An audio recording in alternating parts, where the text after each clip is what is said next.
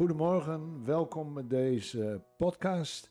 Ik heb hier eh, Laura ten Landen naast me zitten en eh, die gaat samen met mij eh, in gesprek. Laura, waar wil je het over hebben vanmorgen?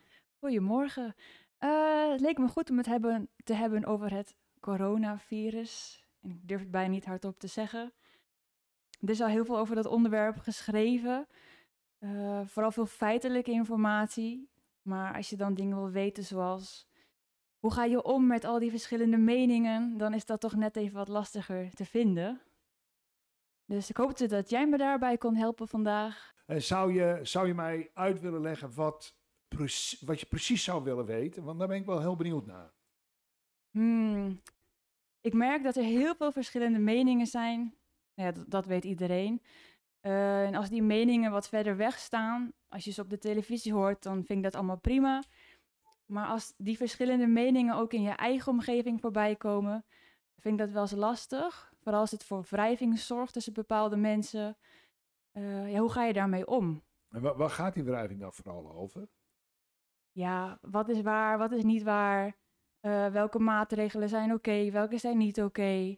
Eh, laat je je wel vaccineren, laat je je niet vaccineren? Vertrouw je de overheid, vertrouw je de overheid niet? En ik merk dat ik zelf snel heen en weer geslingerd word. Eh, ik heb een universitaire opleiding gedaan. En daarin wordt heel geleerd van, eh, geloof niet direct alles wat je hoort, maar ga zelf op onderzoek uit. Maar in dit geval is dat ingewikkeld, want er is zoveel informatie dat het bijna niet te doen is om een, een onafhankelijk goed onderzoek in je vrije tijd uit te voeren. Eh, maar je wilt toch je mening ergens op baseren. Nou, waar baseer je dat dan op? Eh, hoe blijf je bij je eigen waarheid? En, en hoe ga je om met de mening eh, van een ander? Ja, nou ja, laat ik vooropstellen dat ik absoluut geen coronakenner ben. En eigenlijk net zoveel weet eh, als dat jij weet. Het is wel zo dat het belangrijk is om te weten van hoe wil je er zelf in staan. Wat is voor jou belangrijk? En wat is voor jou het allerbelangrijkste? Een paar feiten die kunnen we gewoon aannemen. Dat is A, mensen kunnen er heel erg ziek van worden. Ja, Eh, er is te weinig capaciteit. Eh, dus ja, en hoe, de oorzaak daarvan, daar kunnen we op ingaan. Ik weet niet of dat zinvol is. mhm. Dat is een feit. En het is een feit dat er een heel aantal maatregelen zijn.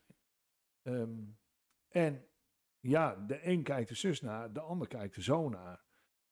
En dat is een, dat is een gegeven. Alleen het interessante is, hoe kan het nou dat eh, mensen elkaar gaan bestrijden op iets waarvan je niet weet of het waar is? Kijk, dan wordt er iets gezegd en dan zeg- zeggen mensen, ja, ik ben het er niet mee eens. ja, Maar ja, laten we heel eerlijk zijn. Iedereen heeft zijn eigen waarheid. En dat is meteen de zegen, maar dat is ook meteen het probleem. ja, In mijn perceptie is de zegen dat het heel goed is dat iedereen zijn eigen waarheid heeft. En dat iedereen zijn eigen mening heeft. En iedereen mag op zijn eigen manier mag hij naar de werkelijkheid kijken. Tegelijkertijd zorgt dit virus wel voor dat er ook een bepaald kader is. En dat kader is, je kunt er heel ziek van worden. Eh, dat is een feit. Eh, er is te weinig capaciteit. Dat is ook een feit. Ja, en dat daar een heel aantal maatregelen achter zitten waarvan we niet zeker weten of het wel of niet werkt. Ja, dat is natuurlijk een hele lastige. En het is natuurlijk ook heel lastig dat er van alles aan je. Ja, ineens hebben we een avondklok. Eh, we moeten anderhalve meter afstand houden. En het punt is dat nog heel veel dingen zijn niet voldoende onderzocht. We weten het niet zeker. En dat geeft, dat zorgt er ook voor eh, nou, dat het aan alle kanten wiebelt en dat je er alle kanten mee uit kunt. Ja, en ik persoonlijk denk altijd van nou, belangrijkste is, volg je eigen koers en tegelijkertijd hou je aan de wettelijke kaders. Hm. Ik denk dat dat heel belangrijk is. Eh, nou moet ik zeggen dat ik met die avondklok wel wat moeite heb, want eh, nou, ik vind het toch wel belangrijk dat eh, als ik mijn moeder moet helpen of er is iets eh, met mijn dochter of met mijn kleinkind, dan wil ik daar naartoe kunnen gaan. Nou, die avondklok verbiedt me dat. Nou, ik neem dan graag het risico dat ik 95 euro boete moet betalen, want Snap ik. ik wil gewoon daar kunnen zijn. ja. En dat is een persoonlijke keuze waarbij ik een risico neem, waarbij ik we- weet van ja, eh, kijk, normaal gesproken aan die avondklok, het maakt mij niet zoveel uit. Tegelijkertijd weet ik ook dat de jongens van hierachter, die vinden toch wel hun manier om in hun keet samen bij elkaar te komen en die gaan het toch wel doen. En dat is toch wel iets wat heel erg onderschat wordt, dat er gewoon hele grote groepen mensen zijn die ja, wel hun keuze maken om, om dat te gaan doen. En Hmm. vanuit het perspectief van een jongere begrijp ik dat ook heel goed. Ja, ja. En als je dan kijkt naar die eh relschoppers, om ze zo even te noemen, zijn dat dan denk je jongeren die het niet eens zijn met de maatregelen? Eh, of komt die motivatie om te gaan lopen rellen ergens anders vandaan? Ja, wat ik denk is dat er sowieso. eh, kijk, laten we heel eerlijk zijn. Jongeren kunnen al heel lang kunnen die niks. Ehm, en er zijn, volgens mij zijn er meerdere oorzaken van. En ik heb geen wetenschappelijk bewijs, dus het is voor mij ook eh, in die zin een klein beetje koffiedik kijken. Maar een aantal tendensen kan ik me wel voorstellen. Als jij als jongere al heel lang opgesloten bent eh, en je hebt heel weinig ruimte gekregen. En vervolgens komt er een harde, ja, een soort harde deadline van je mag s'avonds niks meer doen. Ik, ik, persoonlijk vind ik het niet een handige keuze dat het Hm. kabinet dit heeft gedaan. Want dit is ook een klein beetje, je kunt ook overvragen. Ja, En nou wordt wel het, een vergelijking gemaakt met Frankrijk of met België. Maar ja, goed, wij zijn een ander volk. Kijk, in het bedrijfsleven doe ik niks anders dan mensen stimuleren, eigen verantwoordelijkheid nemen, zelf leren nadenken, je eigen keuzes maken. Wel binnen een, een heel helder normen- en waardepakket. Ehm, en dat is natuurlijk ook wel iets wat we in het bedrijfsleven wel heel erg doen, maar wat in de samenleving natuurlijk af en toe dat normen- en waardepakket, dat is her en der wel wat vervaagd. ja, Kijk, voor een deel werd dat vroeger door de kerk gegeven, dat werd door school gegeven. Ehm, alleen omdat ouders ook veel meer autonomie eh, hebben, krijgen niet alle jongeren die krijgen eh, sterke normen en waarden mee. En die zijn natuurlijk, ja, laten we heel eerlijk zijn, de opvoeding is af en toe ook wel wat hedonistisch. In de zin van kinderen zijn gewend om dat te krijgen, om hun zin te krijgen. En willen dat ook per se. En als ze het niet krijgen, dan. Nou ja, papa en mama gaan wel naar de schoolmeester of de juf toe om verhaal te halen. Dus papa's en mama's hebben ook vaak wel wat te veel toegegeven. Urk is daar Mm. natuurlijk een mooi voorbeeld van. Er is altijd het drankgebruik, het cocaïnegebruik. Die jongeren zijn niet zoveel begrensd. Nu worden ze hard begrensd. Ja, en van daaruit hebben die iets van, ja, eh, ik wil ook zelf weten wat ik doe. En op zich Ja. is dat natuurlijk een heel mooi goed. En ben ik het er ook mee eens dat je dat moet doen. Alleen, het moet wel in een bepaald perspectief staan. Kijk, en het, nou, wat ik wel heel erg vind, is dat als we naar een OMT kijken, waar vooral virologen in zitten, laten we even heel eerlijk zijn, de gevolgen voor jongeren, de gevolgen voor jonge kinderen, ik kan me je jiu-jitsu-les niet geven. De kids kunnen niet op de mat zich uitleven. ja, Eh, kinderen kunnen niet naar school. Jongeren kunnen niet feesten.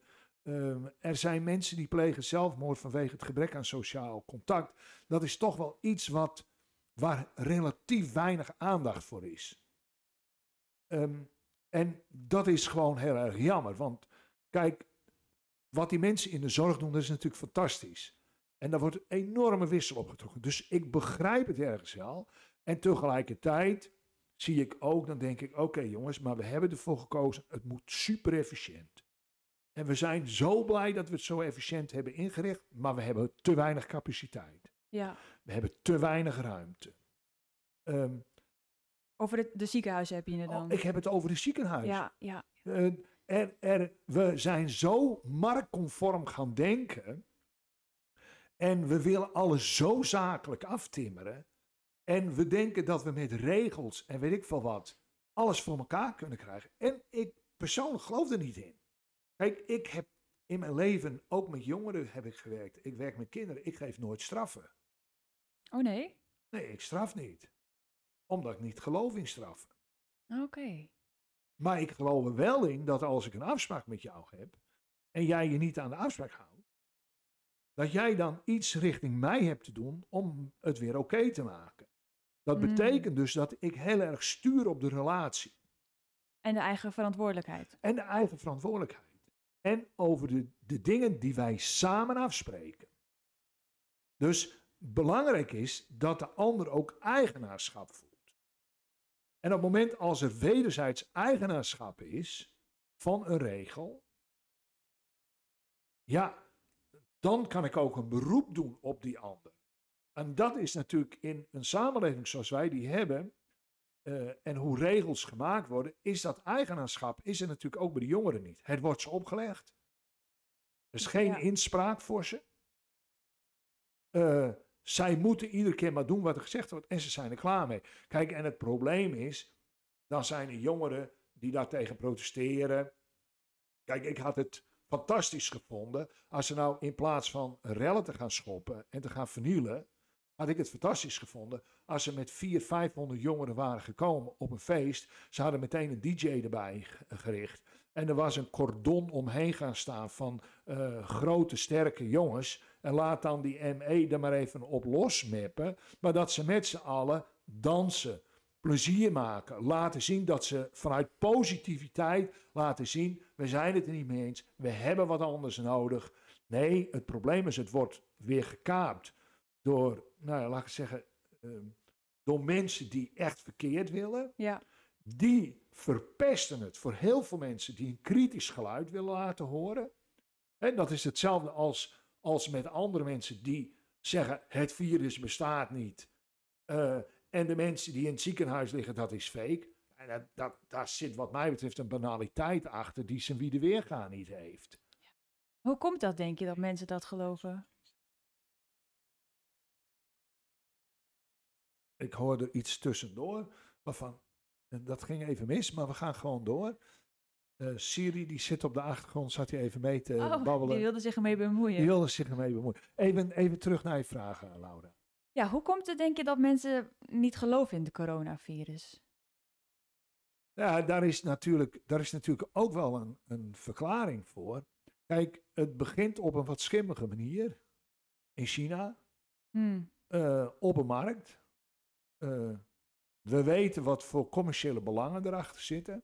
Ja. eh, achter het ontwikkelen van medicijnen. Eh, we weten dat China bezig is, eh, die wil invloed op de wereldmarkt hebben. Op het moment als je door een of ander virus te creëren de boel elders lam kunt leggen, nou, dat is natuurlijk voer voor complotdenkers.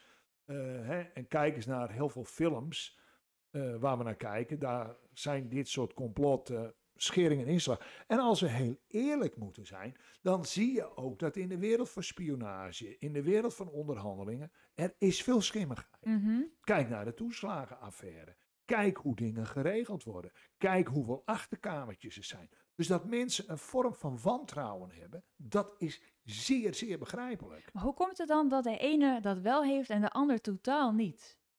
Nou, dat, dat heeft natuurlijk te maken. eh, er zijn mensen. Kijk, als ik het vergelijk met mijn groep Jitsuka's, dan zie je kinderen die volgen braaf de instructies op.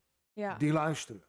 Er zijn andere kinderen die zijn kritisch, maar die blijven in verbinding en die blijven vragen stellen, maar zijn kritisch. En er zijn erbij die doen, gaan gewoon hun eigen gang. Die zijn niet alleen kritisch, die zetten zich af. Eh, en dat is, in die context is dat prima, want ik kan contact met ze maken, ik ga het gesprek met ze aan. Helemaal niks aan de hand. ja. En daar zit waarschijnlijk ook een aantal ingrediënten waardoor dingen misgaan. Doordat er wordt niet in gesprek gegaan met die jongeren. Eh, er wordt niet, ook op een brede manier, wordt er geluisterd naar argumenten. Eh, en ook die meneer van, van viruswaanzin, ga nou goed in gesprek met zo'n man. Neem zo'n man mee naar ziekenhuizen. Ga met iemand werkelijk kijken van, goh, maar wat zit er nou echt bij je onder? Wat, wat is nou werkelijk waar je tegenaan loopt? En ik weet zeker dat deze man best een aantal hele goede punten heeft.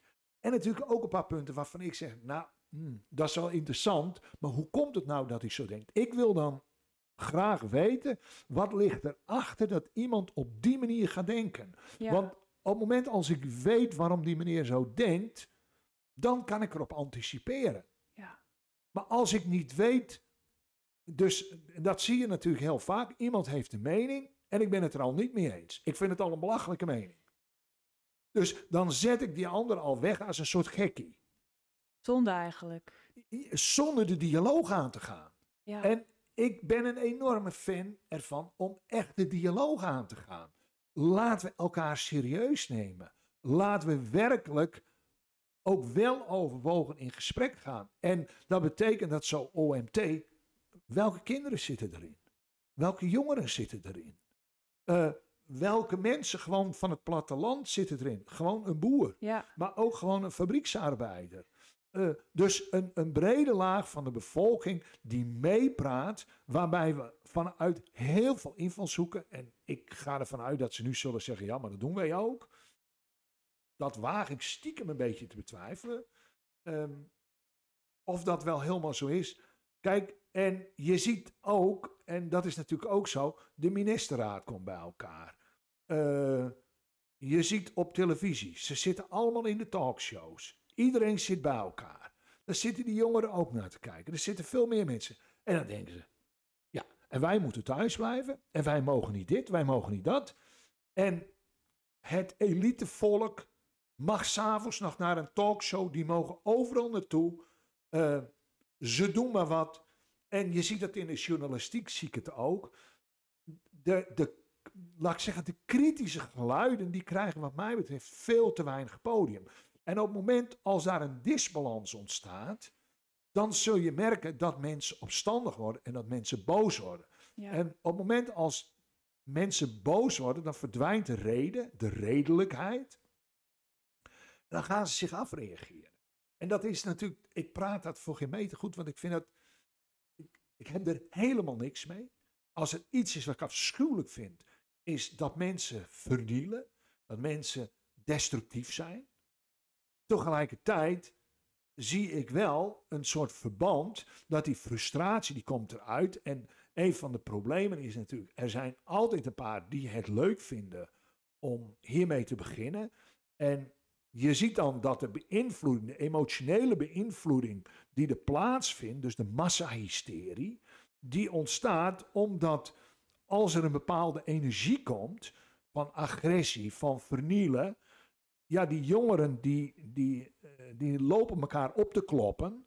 Ja. Um, er zijn misschien tien die echt verkeerd zijn. En de rest, de massa, zijn allemaal meelopers. Allemaal mensen, jongeren, die meelopen. Kijk, en allochton, autochtoon, uh, het maakt niet uit. En ook daar zie je alweer de polarisatie. Ja, het zullen wel allochtonen zijn. Nee, het zijn onze jongeren. Ja. En ze voelen zich niet gehoord. Daardoor beginnen ze nou ja, nog harder te schreeuwen eigenlijk totdat er iemand wel luistert. Ja, en, en ga er vanuit, er zit natuurlijk ook een hele categorie in die het gewoon leuk vinden. Die op sensatie uit zijn. Ja. Die het leuk vinden om zich af te zetten tegen de autoriteit. Die gewoon er heel veel plezier aan beleven. Stoere verhalen kunnen vertellen. Kijk, laat ik zeggen, niet iedereen heeft de, uh, de verstandelijke capaciteiten om ook gewoon hier goed over na te denken. Vaak zijn ze ook niet zo opgevoed. Hè? Ik bedoel, op het moment als ik ouder zou zijn en mijn kind zou erbij lopen, dan zou ik toch eens over mezelf na moeten denken. Van ja, maar hoe ga ik dan in gesprek met mijn kinderen? Heb ik überhaupt? Of loop ik stiekem thuis de boel op te kloppen? En ik, ik bedoel, ik ben ook heel eerlijk. Op het moment als wij een feestje hebben en de kinderen willen komen, dan houden wij ons ook niet altijd heel netjes uh, aan het getal 1 of 2. Uh, maar wat je wel doet, is je maakt een welbewuste risicoanalyse. Je Ja. denkt na, uh, je checkt, jongens, wie heeft er contact met wie gehad? Hoe doen we dat precies? Hoe houden we rekening met elkaar? Wanneer kunnen, moeten we wel anderhalve meter? En als je echt een knuffel nodig heeft, als iemand een knuffel nodig heeft, dan kan het soms zo belangrijk zijn dat je even die anderhalve meter vergeet. Ja. En dan, dan kies je dus op dat moment kies je ervoor om de regel te overtreden. Alleen doe je het willens en wetens om de boel te boycotten. Dat is heel wat anders. Ja, of doe je het omdat je merkt, ja, maar dit is zo belangrijk op dit moment dat ik diegene even vasthoud. Dan kan ik ervoor kiezen die vasthoudt. Ook al weet ik dat dat eigenlijk nadan is. En dat is hetzelfde met mensen die hier over de vloer komen. Ik blijf op het standpunt zijn dat ik de baas in mijn eigen huis ben. En dan kan de regering die kan eh, roepen en schreeuwen. Ik vind dat eigenlijk niet goede regels. Dat wil niet zeggen, kijk en daarom snap ik Rutte wel, dat hij zegt het is een richtlijn. Eh, dat vind ik wel belangrijk dat hij dat doet, dat hij zegt dat het een richtlijn, want het is niet altijd mogelijk om daar heel rigide mee om te gaan. Nee, Eh, ja, en ja, hoe moet ik het zeggen? Het, eh, het is altijd wikken en wegen. Alleen gebruik het. ja, ik heb wel iets, gebruik je verstand. En breng jezelf niet onnodig in gevaar of anderen in gevaar. Dus dat betekent wel dat je heel goed moet blijven nadenken van wat doe ik nu precies? Kijk, en de regering die beseft zich ook dat niet iedereen dat in, in diezelfde mate doet. En zo worden kinderen ook niet altijd opgevoed en zijn jongeren niet opgevoed. Het, het, het leren nadenken over grenzen, over wat wel kan, wat niet kan. En dat zie je dus, om even bij jouw oorspronkelijke vraag terug te komen. Kijk, jouw oorspronkelijke vraag is, in de familie zie je dus ook dat er wrijving ontstaat. De een die gaat er heel serieus mee om. De ander die staat er wat, wat lichter in. ja. Ja, eigenlijk deze tijd nodigt uit, als ik dat zo hoor, om echt nog eens goed na te denken over je normen en waarden. Eh, Nou, hoe doen wij samen dingen? Hè? ehm, mijn dochter die bevraagt mij op dingen van papa, hoe kijk je daarna?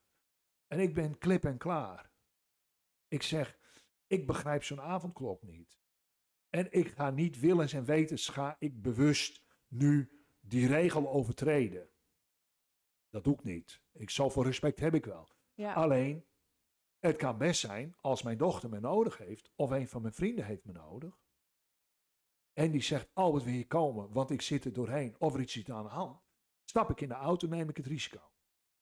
ja, Dat is, dat is dus een keuze van mij, omdat ik op die manier in het leven wil staan.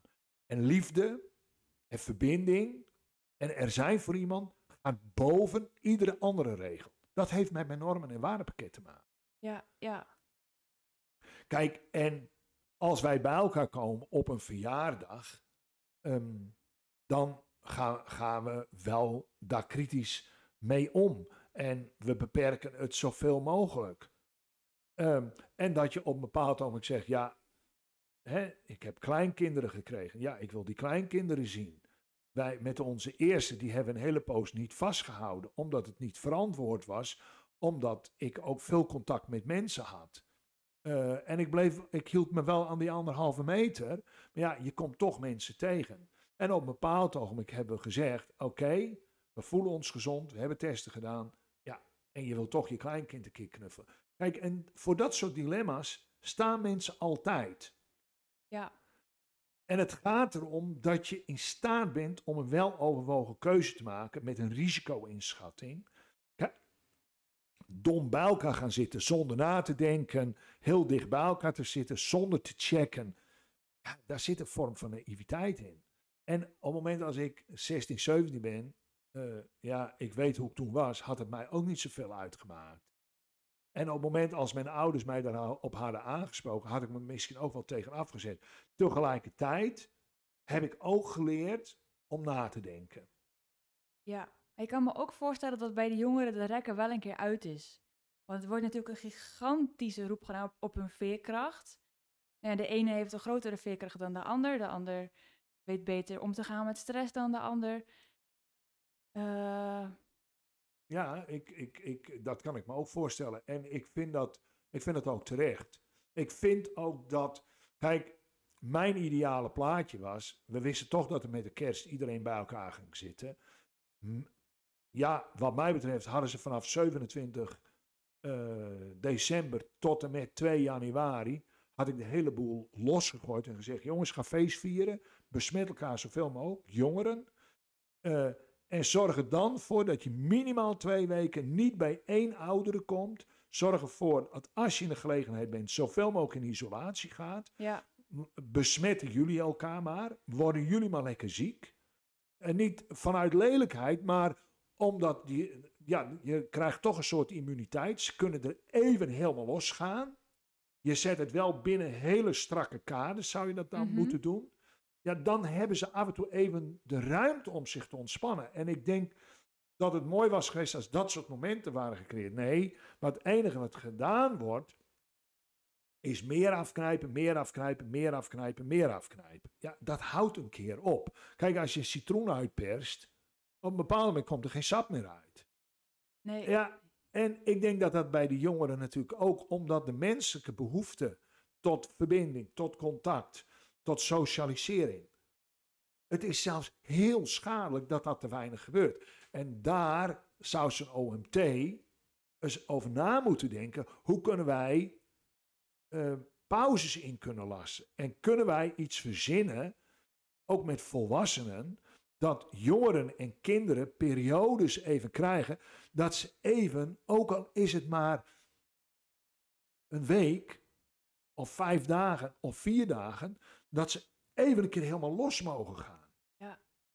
Maar dat wel gereguleerd doen, om ervoor te zorgen dat, dat je die balans in die samenwerking, want op het moment als je ook eens een keer iets geeft, kun je daarna weer een beroep doen om dat tegen te houden. Maar daar mis ik, mis ik persoonlijk wel wat creativiteit. Ja, en je werkt dan ook, denk ik, aan die relatie tussen de overheid en de jongeren.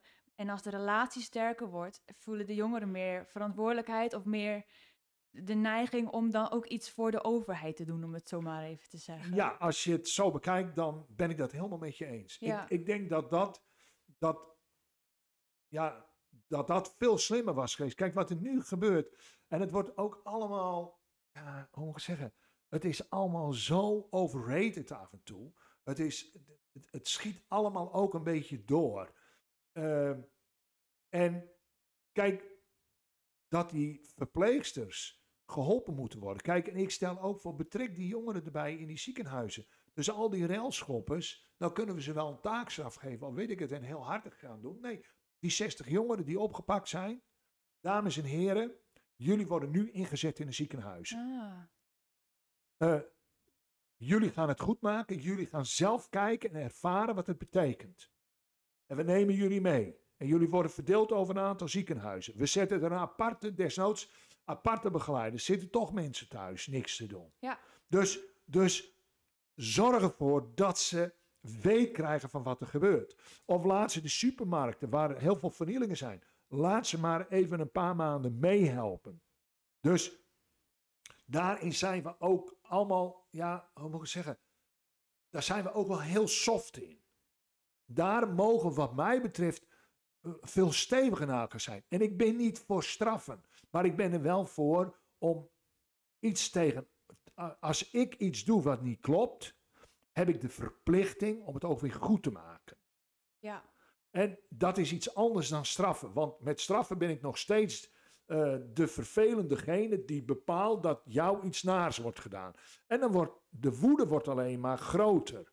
Deze jongen die opgepakt zijn, daar moet mee in gesprek gegaan worden.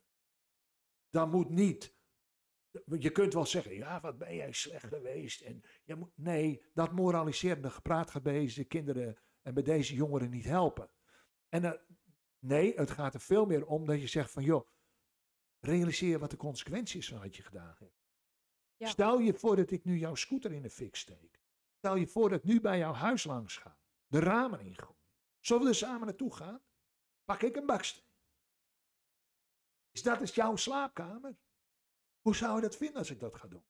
Oh ja, niet zo leuk. Nee. Dus nou is mijn vraag aan jou. Je hebt naar de samenleving en vooral naar die mensen die daar ziek liggen en naar een verpleegend heb je iets goed te maken. Vooral diegenen die in een ziekenhuis op de IC ramen hebben ingegooid. Hoeveel verstand heb je. En ik wil niet moraliseren. En nu realiseer ik me dat ik dat ook een beetje doe. Dan denk ik, come on. Maar pak ze op. Ga niet lopen moraliseren. Maar confronteer ze met de consequenties. En laat ze daar ter plekke meehelpen. Ja. En laat ze desnoods ook maar. En dan zeggen we: oké, dan zetten we hier een zonderbescherming neer. Want jij durft dat aan. Kennelijk. Mhm. Word er dan ook maar even ziek van. Nee, dat wil ik niet. Nee, de. Dus, dus ik ben heel erg voor om op die manier. Hoe moet ik zeggen? We moeten dichter bij elkaar. Er, moet, er moet, mag een dialoog ook met dit soort jongeren komen. Want, want nu. Hè, wij stellen ons weer op als de braafste, beste mensen van de klas. En wij weten het natuurlijk allemaal heel goed. En wij zullen wel even vertellen. Nee, we moeten snappen dat die jongeren er helemaal doorheen zitten. Er is veel depressiviteit. Wij zullen, wij zullen ook moeten realiseren, dit is ook een signaal naar onze samenleving dat we iets niet goed doen. Ja. En dan moeten we niet een grote mond hebben en zeggen, nee, ja, ze zijn ook allemaal, nee, ze zijn niet allemaal slecht. Heel veel zijn meegetrokken. Er Ja. lopen natuurlijk een paar raddraaiers rond. En die moet je zien te isoleren. Maar ook daar geldt voor in gesprek. En op het moment als ze echt niet aanspreekbaar zijn, of je merkt echt van oké, dit is niet oké, ja, dan zul je iets anders moeten verzinnen. En er zijn genoeg experts voor eh, die dat kunnen. En je ziet ook, hè, ook in families, zie je eh, dat de manier hoe iedereen ernaar kijkt, dat dat vaak ook weer een afspiegeling is van hoe wordt er onderling gepraat. ja, zeker. En hoeveel feedback. Bij ons in het gezin zijn we het in hoofdlijnen wel met elkaar eens. Oké. En mogen er verschillen zijn. Sommigen zijn er veel strikter in, anderen zijn er wat losser. in. En dat is oké. Alleen we weten allemaal dat we de verantwoordelijkheid hebben om ervoor te zorgen dat iedereen gezond blijft. Ja. Kijk, jij vraagt je af, ja, maar hoe doe je dat nou als er wel heel grote verschillen zijn? Want, want wat, waar, waar loop jij dan tegenaan? Nou, dat heeft ook wel met het persoonlijk stukje te maken natuurlijk. Dat ik eh, vooral hou van harmonie. Dus het liefst heb ik dat iedereen op één eh, lijn ligt en heel vrolijk dansend, eh, nou ja, door de kamer huppelt. Ehm, en als daar dan iets in botst, dan denk ik, hmm, en waar sta ik nu dan? Eh, sta ik meer aan de ene kant, meer aan de andere kant? En dan moet ik voor mijn gevoel ook kiezen, terwijl ik het zelf ook niet weet. Ehm, het liefst hecht ik me eigenlijk helemaal niet aan een mening hierin, zodat ik ook niet hoef te kiezen. Maar dat is, dat is de makkelijke weg Maar natuurlijk. wat is jouw mening? Wat, hoe kijk jij er eigenlijk naar? Nou, als ik dit zo hoor, wel aardig gelijk als jij. Eh, ik zou ook heel graag zien dat in het OMT jeugdexpert komt. eh, psychologen of, of coaches, in, iets in die richting. En ik zou graag meer inzetten op de veerkracht van de jongeren. Eh, mijn eigen veerkracht is momenteel best wel goed. Ik, ik werk lekker, we krijgen binnenkort een puppy, dus ik heb leuke dingen om naar uit te kijken.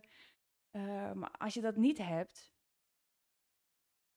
ja, hoe, hoe zorg je dan eh, dat, dat je veerkracht vergroot? Hoe, hoe kunnen we de jongeren daarmee helpen? Ja, nou, dat vind ik, vind ik een hele mooie vraag.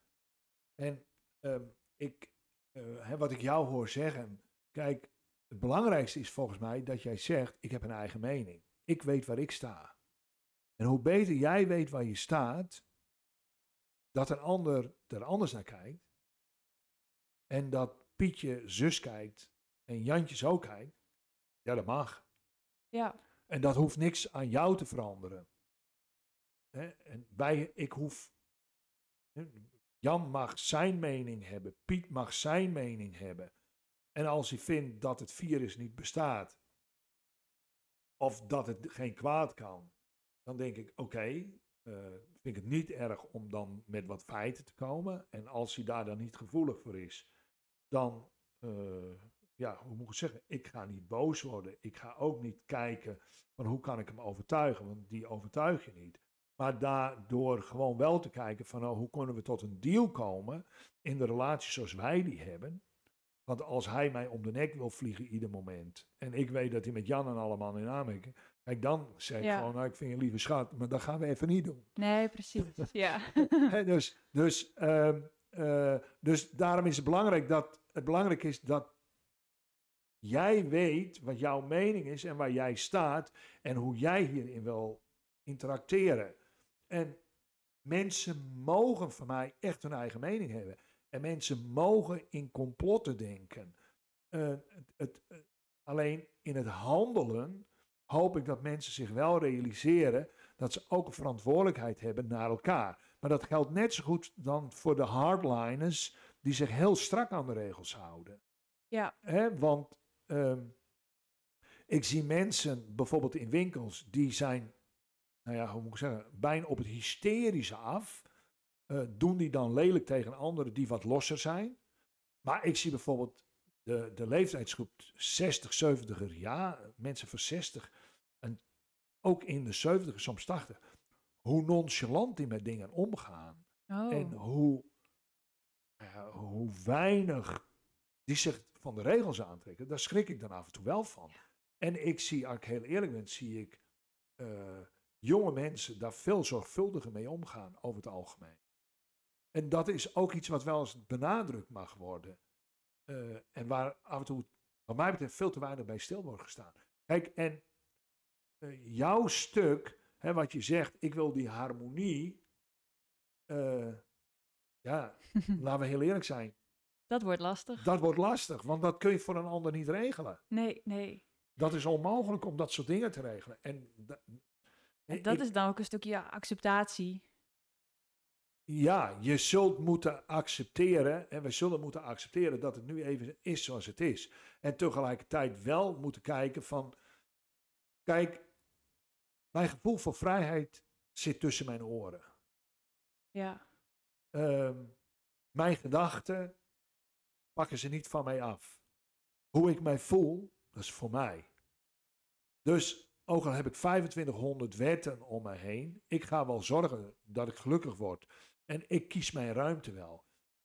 Kijk, mijn criterium is, ik wil ervoor zorgen dat ik een ander niet beschadig, eh, in dit geval niet besmet. Eh, dus daar hou ik rekening mee. Tegelijkertijd, omdat ik heel goed weet hoe ik erin sta en erin wil staan, geeft me dat ook een soort vrijheid.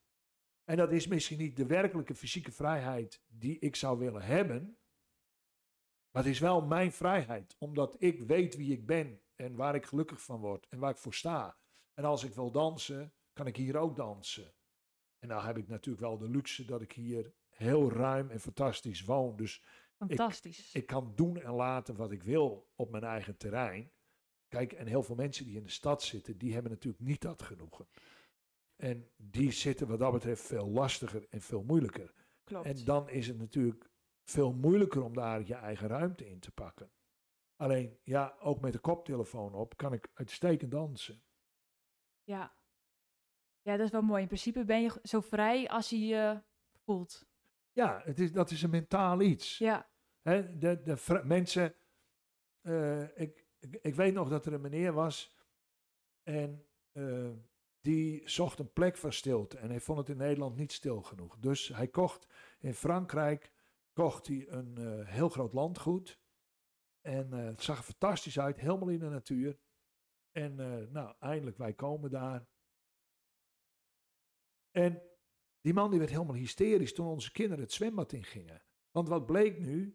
Al dat geluid, het was een soort echoput. Oh. Dus al dat geluid dat kwam daar. Dus die man die werd er heel ongelukkig, want het was heel lawaaiig. Er hoefde maar iets te komen en dat geluid versterkte zich daar zelf. Nou, ik vind dat fantastisch als dat soort dingen gebeuren. Heel sneu voor de man. En toen, toen had ik een gesprek met hem en ik gaf met hem eh meditatietrainingen. Ah. Hij was mijn eh, compagnon. Eh, echt een fantastische kerel. En toen zei ik tegen hem, "Ja, maar hoe komt het nou dat eh, uitgerekend een meditatiemeester zoals jij bent, dat hij niet de stilte in zichzelf kan Mm. vinden? W- Wat is de reden dat het jou zo verstoort? Goeie. En dat, dat leidde wel tot enige irritatie bij. En binnen drie maanden had hij een ander landgoed gekocht en deze weer verkocht. waar de stilte wel was. En dan zie je, ja, en dat, dat, en, en dat zie je ook hier. Jij kiest voor je eigen vrijheid. Jij kiest voor je eigen stilte. Jij kiest voor je eigen geluk. En omstandigheden maken de mens niet, ze onthullen hem alleen maar. Hmm. Want het is je eigen innerlijke gesteldheid die ervoor zorgt dat dingen gebeuren. Ja, en dat je af en toe het zo moet creëren dat je contact hebt. Ehm, dat je mensen om je heen hebt, als je daar behoefte aan hebt. Eh, Doe dat dan. Alleen doe het op een manier waarbij je zoveel mogelijk aan die anderhalve meter houdt. Eh, dat je naar manieren kijkt en dat je controleert, besmet ik niet iemand. Dus het gaat over bewustzijn hebben, over wat je doet. Ja. Zonder te moraliseren, zonder lelijk te doen. Eh, want daar waar we elkaar respecteren en in dialoog gaan, ontstaat er een betere sfeer. En corona, deze tijd, daagt ons ook uit om, om anders naar de wereld te gaan kijken. Om misschien anders met dingen om te gaan. Dat het, ons overdreven consumentisme, onze overdreven hang om overal maar naartoe te vliegen. En niet de stilte in onszelf kunnen vinden. Niet het geluk in kleine dingen kunnen vinden. Eh, in contact, in ontmoeting. Nee, de jachtigheid om maar zo groot mogelijk, spectaculair. Het, het moet ook gek. We moeten die trails hebben.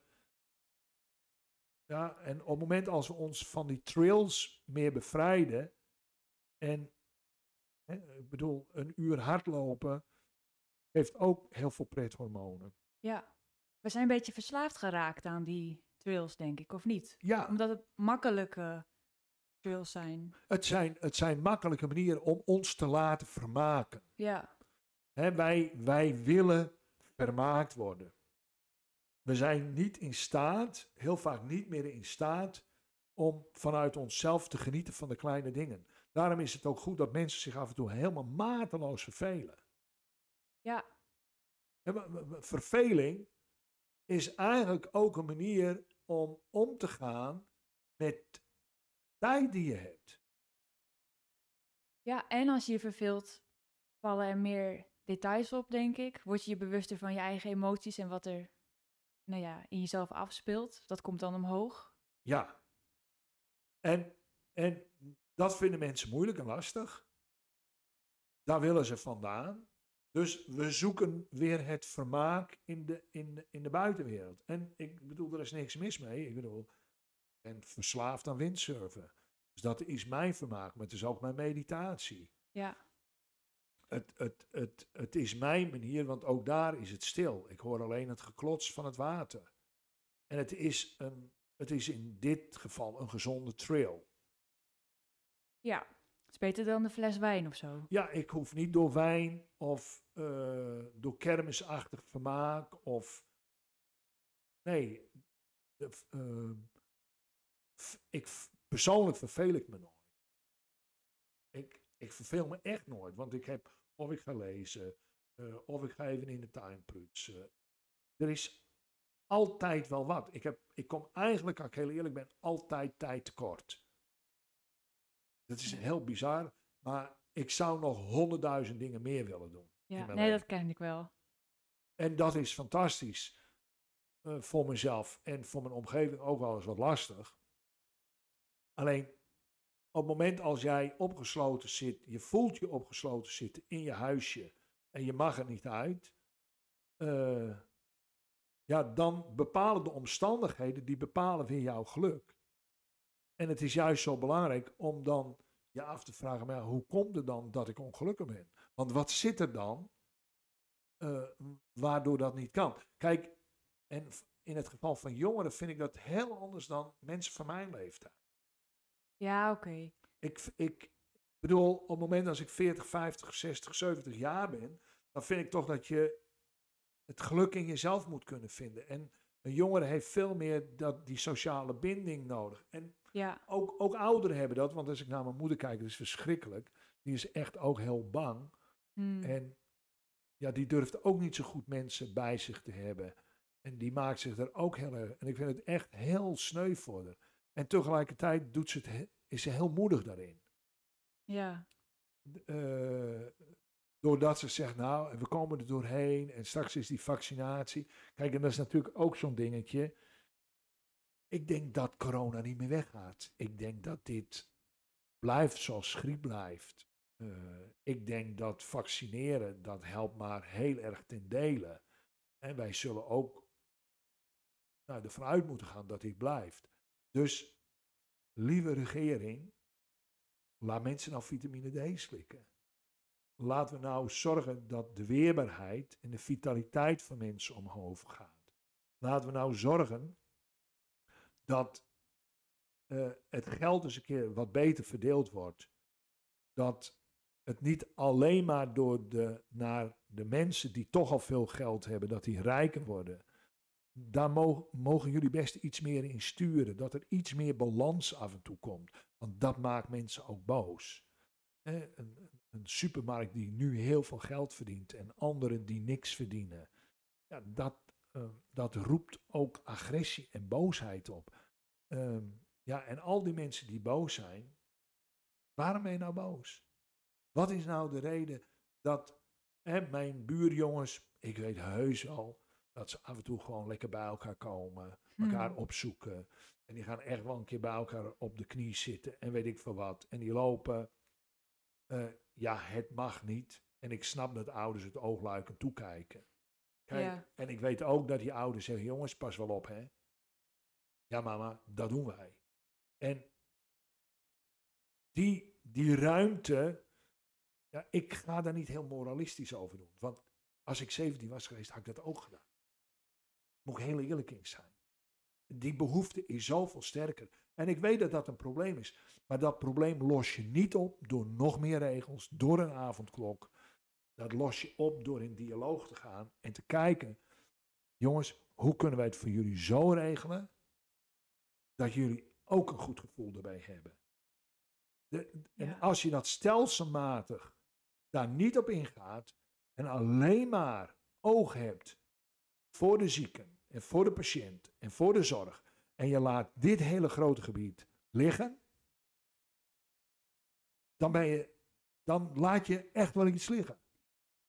En, en, en die dialoog en ook daar de aandacht en de ruimte de liefde aangeven die daar nodig is, net, die is net zo hard nodig als voor het zorgpersoneel of voor de coronazieken, is diezelfde toewijding, diezelfde zorg. En uh, daar is ook heel veel capaciteit eigenlijk nodig om ervoor te zorgen dat die jongeren, en die jonge mensen en al die mensen die sociale contacten, om daar ook echt in te investeren en daar echt iets in te doen. Mee eens.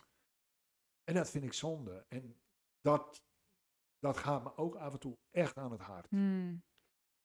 En dan denk ik, jongens, jongens, laten we nou wat meer rekening met elkaar houden. Dan hoeft het ook niet zo te escaleren. Hè? En ik denk tegelijkertijd dat dit ook de uitdaging van deze tijd is. Meer verbinden, meer dialoog. En dat mensen echt oog voor elkaar krijgen. En niet de ene groep boven de andere groep zitten. Maar op een evenwichtige manier kijken naar de samenleving. Want alles is met elkaar verbonden. Alle draden zijn verbonden. Uh, de aarde is één organisme met zijn bewoners. En we zullen veel meer als één organisme moeten leren op te treden. Dus het kan niet zo zijn dat alleen de aandacht daarna gaat. Dan zullen we ook net zoveel aandacht aan die andere kant. En daarover na moeten denken. En dan niet alleen maar vragen, ja, wij vragen een offer van jullie, we vragen een offer. Ja, en wat zit je er tegenover? Ja. En niet dat er altijd iets tegenover, maar je zult daar toch bewustzijn op moeten hebben. Dat dat ook fundamenteel iets vraagt. Dus, uh, ja, nou ja. Misschien kunnen we een uh, open sollicitatie sturen. Uh, ja, naar het OMT. Ja. ja. ja nou, bij deze gaan wij met z'n tweeën het OMT versterken. Om, om ook deze kant te belichten. En heel veel respect voor al die virologen en voor alles wat ze doen. Absoluut. Ik, ik, bedoel, daar neem ik geen grammetje van af. Tegelijkertijd gun ik daar ook wat meer verbreding. En ik gun vooral ook alle mensen die kritisch zijn, die sceptisch zijn, uh, die er eigenlijk niet in geloven dat die wel serieus worden genomen. Dat er wel serieus en dat die niet worden weggezet als een stelletje idioten.